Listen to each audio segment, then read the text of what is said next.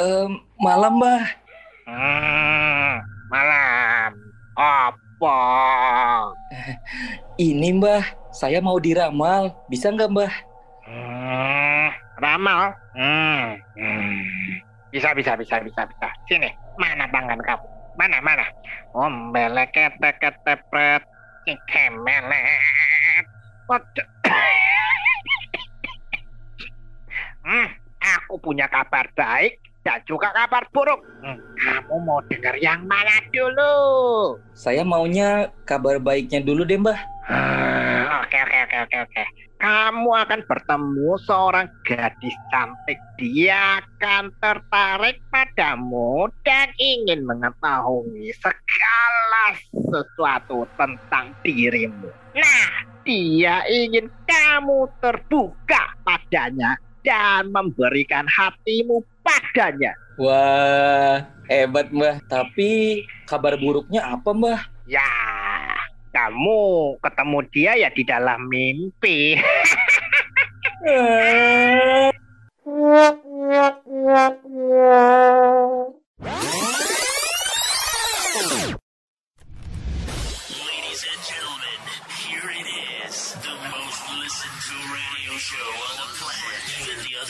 stations are tuned in too. Wiba,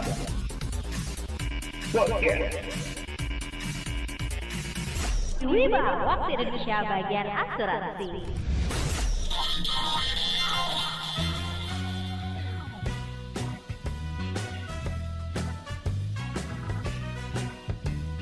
Halo Wibers semuanya dan juga teman-teman.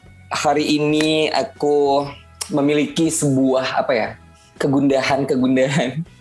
Karena baru aja nih teman-teman ya, aku baca di internet ya. Juga viral nih di TikTok nih teman-teman tentang anak muda ya yang harusnya tuh udah punya tabungan gede-gede gitu. Nah, aku kan masih muda ya, gitu kan ya. Iya dong. Iya Jadi- deh. Jadi lu pikir kita semua udah tua, ini kita bertiga udah tua gitu. Iya, soalnya aku bangun tidur sekarang udah sakit pinggang, wah. Jadi udah lumayan ya untuk usia. Cuman gini nih teman-teman. Aku pengen eh, tahu pendapatnya teman-teman ya, opininya tentang kira-kira ini realistis nggak sih kalau misalnya anak muda usia 20-an tapi eh, sosial gitu ya, lingkungan menuntut mereka harus udah sukses, udah punya duit banyak, udah beli mobil segala macam. Nah, itu tempat teman-teman gimana pendapatnya? Dari Matias deh. Gimana nih? Pertama kali ngedenger itu pasti shock banget. Gila men, gue aja yang udah kepala tiga gitu kalah sama mereka yang masih 20 tahunan. Which is mereka tuh banyak banget duitnya. Gue sampai kayak, dan satu lagi ya, dan satu lagi. Kadang-kadang ya mereka tuh kalau misalkan di akun sosial media, di bio-nya mereka tuh rata-rata founder A, co-founder B. Iya kayak- gitu. Ya gak sih, gue tuh kayak, hello, gue yang salah kali ya, gue ke mana aja men, sementara adik-adik gue yang udah 20 tahun, mereka udah punya business owner sendiri dengan bisa mencapai uang yang banyak banget. Itu pertama gue Mhm. takjub, dan yang kedua juga kayak, wow keren banget ya. Maksudnya mereka tuh udah open mind segitunya, berarti mereka bekerja keras banget dong kalau bisa dibilang sampai bisa ngumpulin duit segitu. Ya gak sih? Make sense, kalau bis kalau menurut gue itu make sense banget apalagi zaman sekarang lo mau online shop kayak lo mau jadi uh, freelance A, freelance B itu duitnya juga nggak nggak sedikit itu bisa gede banget kalau lo ngerjain itu serius gitu. Mungkin gini ya Matias ya, anak-anak sekarang itu eh Ci anak-anak seolah-olah kita udah ini ya, udah kayak nenek gitu. Heeh. Maksudnya anak-anak muda zaman sekarang itu punya apa ya, diberikan eh bukan diberikan sih kayak punya fasilitas gitu ya, kesempatan yang lebih luas karena ya zaman sekarang udah semuanya tuh serba online, digital dan lain sebagainya gitu ya. Justru aneh ya kalau misalnya mereka nggak eh, nge-grab peluang-peluang ini gitu kali ya. Yes, betul banget. Karena mereka satu eh, digital banget anaknya, ya kan? Mereka yang kayak Mhm. tiduran aja di rumah tapi duitnya banyak gitu kan? Atau misalkan nggak keluar keluar rumah, diem aja di kamar di kosan gitu. Ngepet dong. gue juga kayak gitu dia nggak pernah. Yes. Acoy. Kan banyak yang bilang begitu. Katanya ini orang nggak keluar keluar loh dari Ah. rumah, nggak keluar dari kamar loh. Ini kayaknya ngepet nih. Kan banyak Tapi yang bisa- ngepet. Keong reong ya kan Bener, Iya. bener. Kerjanya cuma mantengin laptop. Gue nggak ngerti dia eh, jualan apa atau mungkin dia punya eh, talenta apa ya. Tapi akhirnya ya, duitnya tuh juga banyak gitu sih. Saya cerdas aja. Zaman sekarang punya kayak gitu tuh pemikirannya gitu luar biasa. banget. Oke. Kalau menurut U gimana? Realistis nggak sih sebenarnya ketika misalnya eh, lingkungan gitu ya sosial menuntut anak-anak muda udah harus punya tabungan yang gede gitu 100 juta, 500 juta. Itu gimana menurut? Kalau kalau gue sih mikirnya gini, eh, ada fenomenanya yang eh, terbalik dengan anggapan orang-orang ya. Katanya anak-anak generasi sekarang itu bukan anak-anak lagi, kok ngomong anak-anak sih, tapi eh, generasi sekarang itu katanya nggak bisa nabung, nggak bisa eh, nyimpen Yes. duit, nggak punya, nggak bakal punya rumah dan segala macam. Kayak itu malah jadi terbantahkan gitu loh. Banyak juga kok yang bisa Hmm, sukses hmm, hmm. gitu, yang mereka di umur 25 udah punya mobil sendiri bukan dari orang tua terus eh, punya apa namanya punya usaha sendiri gitu. Udah mulai nyicil rumah gitu. Ada juga kok kayak mulai sekarang udah ngeliat Iya. kelihatan kayak mereka sudah aware tidak hanya banyak yang bilang kan YOLO ya you only live once gitu kan ya katanya anak eh, Mm-mm. anak generasi Mm-mm. sekarang gitu begitu gitu generasi Z itu begitu tapi gue lihat sih sekarang nggak nggak begitu lagi bahkan kayak di Padang sendiri banyak loh anak muda yang bikin coffee shop sendiri dan itu modal-modal sendiri gitu Wow. berkembang coffee shopnya bakal Berani ambil resiko sih Waya. ya betul itu dia dan Ya mereka kan, ya? kalau kalau gue lihat sih emang nggak nggak ngeliatin gengsi ya nggak ngeliatin gengsinya gue gue tuh Mm-mm. eh apa namanya punya mobil dengan gaya gue yang wow gitu. Enggak tapi benar-benar apa ya benar-benar down to earth sih anak-anak muda zaman sekarang itu. Dan memprioritaskan mana nih yang harus diprioritaskan? Ketika gue punya duit gue gue mau ngelakuin apa dengan duit ini? Jangan sampai orang mengira eh, generasi gue ini adalah generasi yang eh, nggak bisa nih tahan dengan duit yang langsung habis pergi foya-foya jalan-jalan dan segala macam ternyata itu terbantahkan oleh beberapa orang yang gue lihat oh ya bisa sukses kok anak muda zaman sekarang dengan kreativitas mereka dan menghasilkan uang ya wajar kalau umpamanya di umur 20-an itu punya uang 100 juta 500 juta bahkan satu Mm. M itu wajar Oke, jadi sebenarnya kalau ada anggapan di mana dikatakan anak-anak muda gitu ya, milenial atau Gen Z gitu ya, nggak pinter nabung atau bahkan di apa diasumsikan, diprediksi kalau nggak bakal bisa beli rumah, katanya kayak gitu, itu nggak sepenuhnya benar gitu ya, Woy ya. Jadi eh, ada juga kok eh, generasi-generasi muda yang mereka tuh sadar banget tuh tentang yang namanya investasi, menabung gitu ya. Iya dan Eh, sadar mulai dari dan muda. mereka mulai sadar dengan asuransi loh jangan salah Iya sih, benar benar benar. mereka mulai sadar Karena itu asuransi. ngejaga aset yang mereka bangun juga kan. benar benar Kalau menurut Rea nih sebagai yang paling eh, bungsu di sini, kamu kan masih 20-an ya, kayak kita, kita udah kepala 4, kepala 5. nah, kalau menurut Rea sendiri gimana? Pendapat Rea mengenai anak-anak muda gitu ya, yang dituntut oleh lingkungan untuk menabung gitu, memiliki eh, kemandirian finansial di usia yang muda. Menurut Rea tuh gimana? Realistis nggak sih sebenarnya? Kalau hanya sebatas menuntut kemandirian finansial, aku rasa sih baiknya kita semua harus ya mandiri secara finansial gitu, nggak bergantung dengan orang lain. Tapi yang bikin kita bahas topik ini itu kan karena ada yang matok ya mas, ada yang matok harga Mm-mm. kemandirian finansialnya kita tuh mestinya Betul. berapa. Nah menurut aku Mm-mm.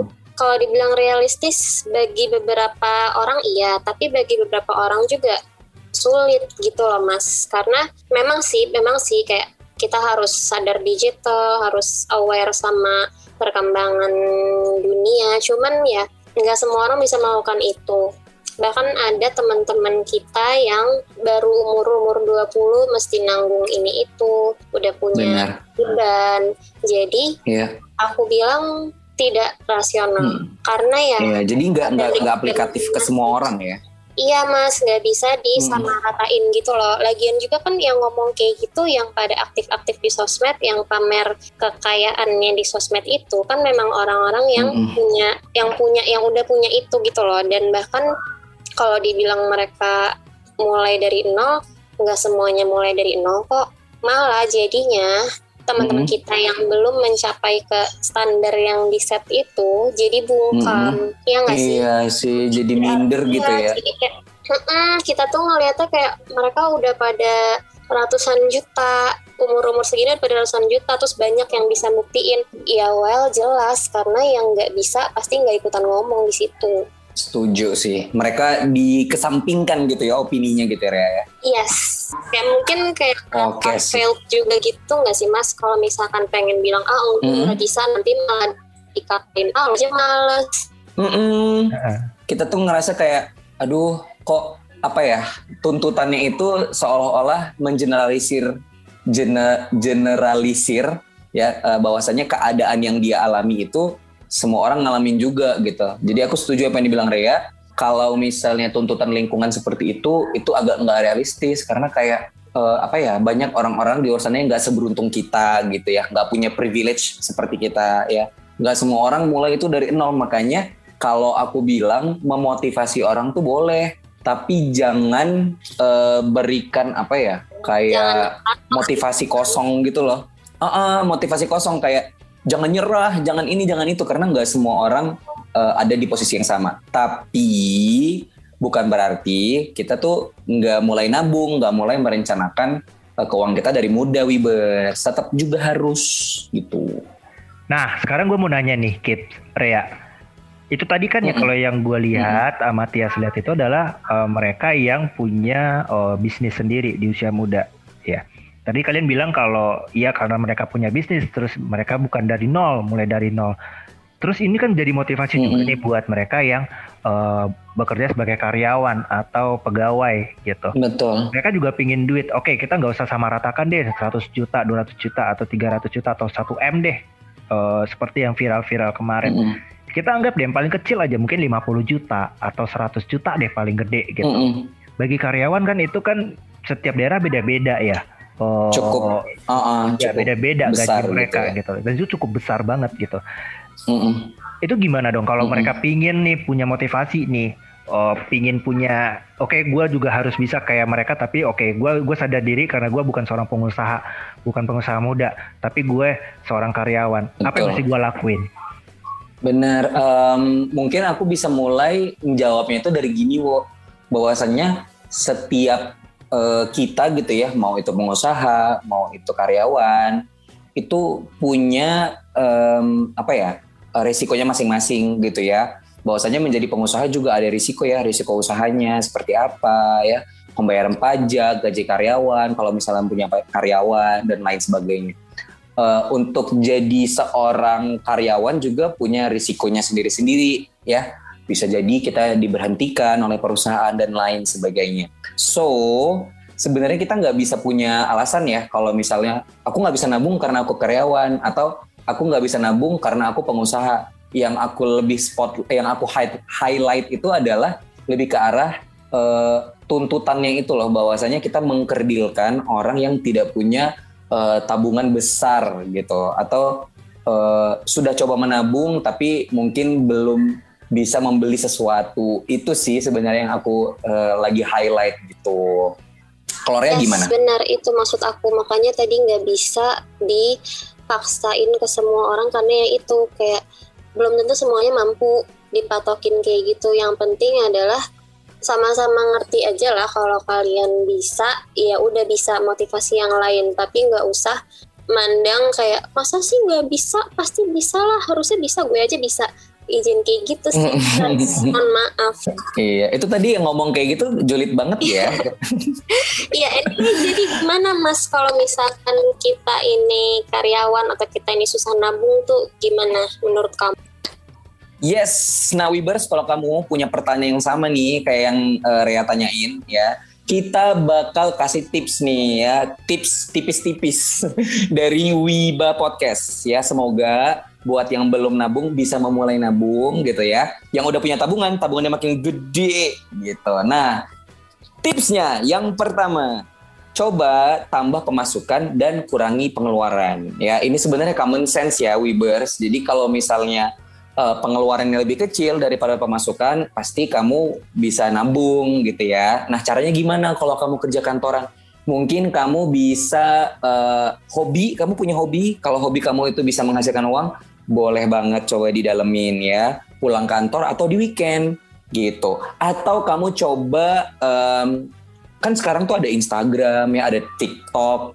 Itu coba kalau kamu bisa kulik-kulik lagi nih, siapa tahu bisa jadi sumber tambahan buat pemasukan kamu. Dan juga jangan lupa Wibers, kurangi pengeluaran. Ya, kurangi pengeluaran maksudnya apa? Kalau makan ada pilihan yang 50.000 ribu sama yang 20.000 ribu. Pilih yang 20.000 ribu aja dulu, ya kan? Toh sama-sama kenyang Wibers, yang penting bergizi. Jadi 30 ribunya bisa kamu tabung gitu tips sederhananya yang pertama. Gue tambahin ya, gue tambahin ya. Nah, salah satu cara untuk nambahin pemasukan itu salah satunya adalah bisa menjadi seorang advisor di asuransi dong ya, uh, Kids ya. Bener banget. Jadi freelancer ya kan Wo ya. Jadi eh, Mhm. kerjaan kamu nggak keganggu, tapi kamu juga bisa dapat penghasilan tambahan Wibers. Betul. Gitu. Yes, ayo kita freelance di perusahaan asuransi guys. Kalian-kalian yang bekerja di kantor pastinya punya coworkers yang bisa ditawarin yuk ambil perlindungan. Selain itu juga kita harus prioritaskan ke mana uang kita nih dialokasikannya. Tujuan penggunaan uang kamu dari waktu ke waktu itu harus kamu review lagi. Bener nggak sesuai sama priority? benar nggak sesuai sama needs kamu jangan hanya sekedar pingin ini pingin itu diturutin jadi bisa dipilah-pilah yang mana yang needs yang mana yang wants dan dialokasikan secara benar kayak mana tuh benarnya mas-mas kalian Bah, bener banget nih apa yang dibilang Rea. Ya, kamu harus bisa bedain ya yang mana wants, yang mana needs dan juga kamu harus punya yang kayak dibilang Rea tadi, priority. Yang mana duluan nih yang harus kamu keluarin kebutuhannya. Yang kalau masih bisa ditunda ya atau misalnya eh, bulan depan nih untuk pengeluaran tersebut. Contoh, misalnya beli skincare baru misalnya ya buat Webers ya. Kemudian misalnya beli eh, sepatu baru gitu. Mungkin sepatunya emang udah perlu beli gitu, tapi priority kamu nih kira-kira yang mana? Apakah bisa diundur untuk eh, needs-nya gitu kan? Ada yang lebih prioritas itu terlebih dahulu kamu prioritaskan gitu Wibers. Yes, thank you Mas Kifli. Dan yang paling penting, prioritaskan diri kamu, kesehatan kamu, perlindungan kamu. Wah benar banget tuh ya sama yang dibilang sama Kifli sama di daerah ya. Tapi satu lagi nih kalau gue boleh nambahin yaitu investasi. Nah apalagi kan sekarang itu lagi rame banget kan aplikasi-aplikasi yang pakai investasi ya yang gampang banget kita maintain bahkan ada yang tuh yang nawarin kayak mulai dari 100 ribu rupiah aja kita tuh bisa bisa investasi loh pakai aplikasi yang bisa kita maintain ya oh kenaikannya berapa kita mau top up lagi sampai mencairkan uh, dana investasi itu juga real time gitu cepet banget ada yang kayak gitu Ada nih yang penting banget nih. Salah satunya adalah hindari penggunaan kartu kredit dan hindari hutang. Ya, karena kalau kita berhutang dan juga memakai kartu kredit itu juga nggak bijak banget teman-teman. Dan nggak nggak bisa untuk eh, menyimpan uang nantinya. Otomatis kita akan ada pengeluaran setiap bulannya untuk membayar cicilan-cicilan hutang atau kartu kredit tadi. Makanya kalau bisa nih hindari nih yang namanya kartu kredit, terus juga hutang-hutang itu hindari dulu. Ya sampai kamu benar-benar eh, sampai ke target yang kamu inginkan tadi. Setuju banget sih Wo, apalagi misalnya nih ya Wibers, kamu menggunakan kartu kredit atau berhutang untuk sesuatu yang nggak prioritas gitu dan nggak menjadi kebutuhan itu dihindari banget. Selain tadi investasi dan juga dana darurat yang eh, dibilang Tias, Mm-mm. penting banget nih kalau kita semua juga mempunyai asuransi. Karena kenapa? Kita nggak tahu resiko itu kapan terjadi. Contoh, kalau seumpama kita lagi menabung untuk eh, target kita tuh punya uang 100 juta, tapi tiba-tiba di tengah jalan pada saat kita lagi nabung terjadi resiko yang namanya kecelakaan lah, atau kita masuk rumah sakit lah. Kalau kita nggak punya asuransi, berarti duit yang kita kumpulkan tadi itu yang kita pakai untuk eh, membayar biaya pengobatan tadi. Kan sayang banget nih kita harus mulai ulang lagi untuk mengumpulkan apa yang ingin kita targetkan tadi gitu loh. Jadi sangat penting banget kalau kita harus mempunyai asuransi. Ingat itu adalah salah satu proteksi agar apa yang kita inginkan tadi, impian kita tadi itu bisa tercapai. Gitu sih. Itu sih. Yes, thank you Mbak Tias, thank you Mas Kifri. Oke banget pendapatnya teman-teman dan tips-tipsnya. Nah, sekarang aku ingin tahu gimana pendapat kamu Wibers. Boleh yuk komen di Instagram kami. Realistis nggak sih kalau misalkan umur 20-an ini kita udah punya ratusan juta di tabungan dan kalau misalkan kamu punya tips nabung, boleh yuk di-share.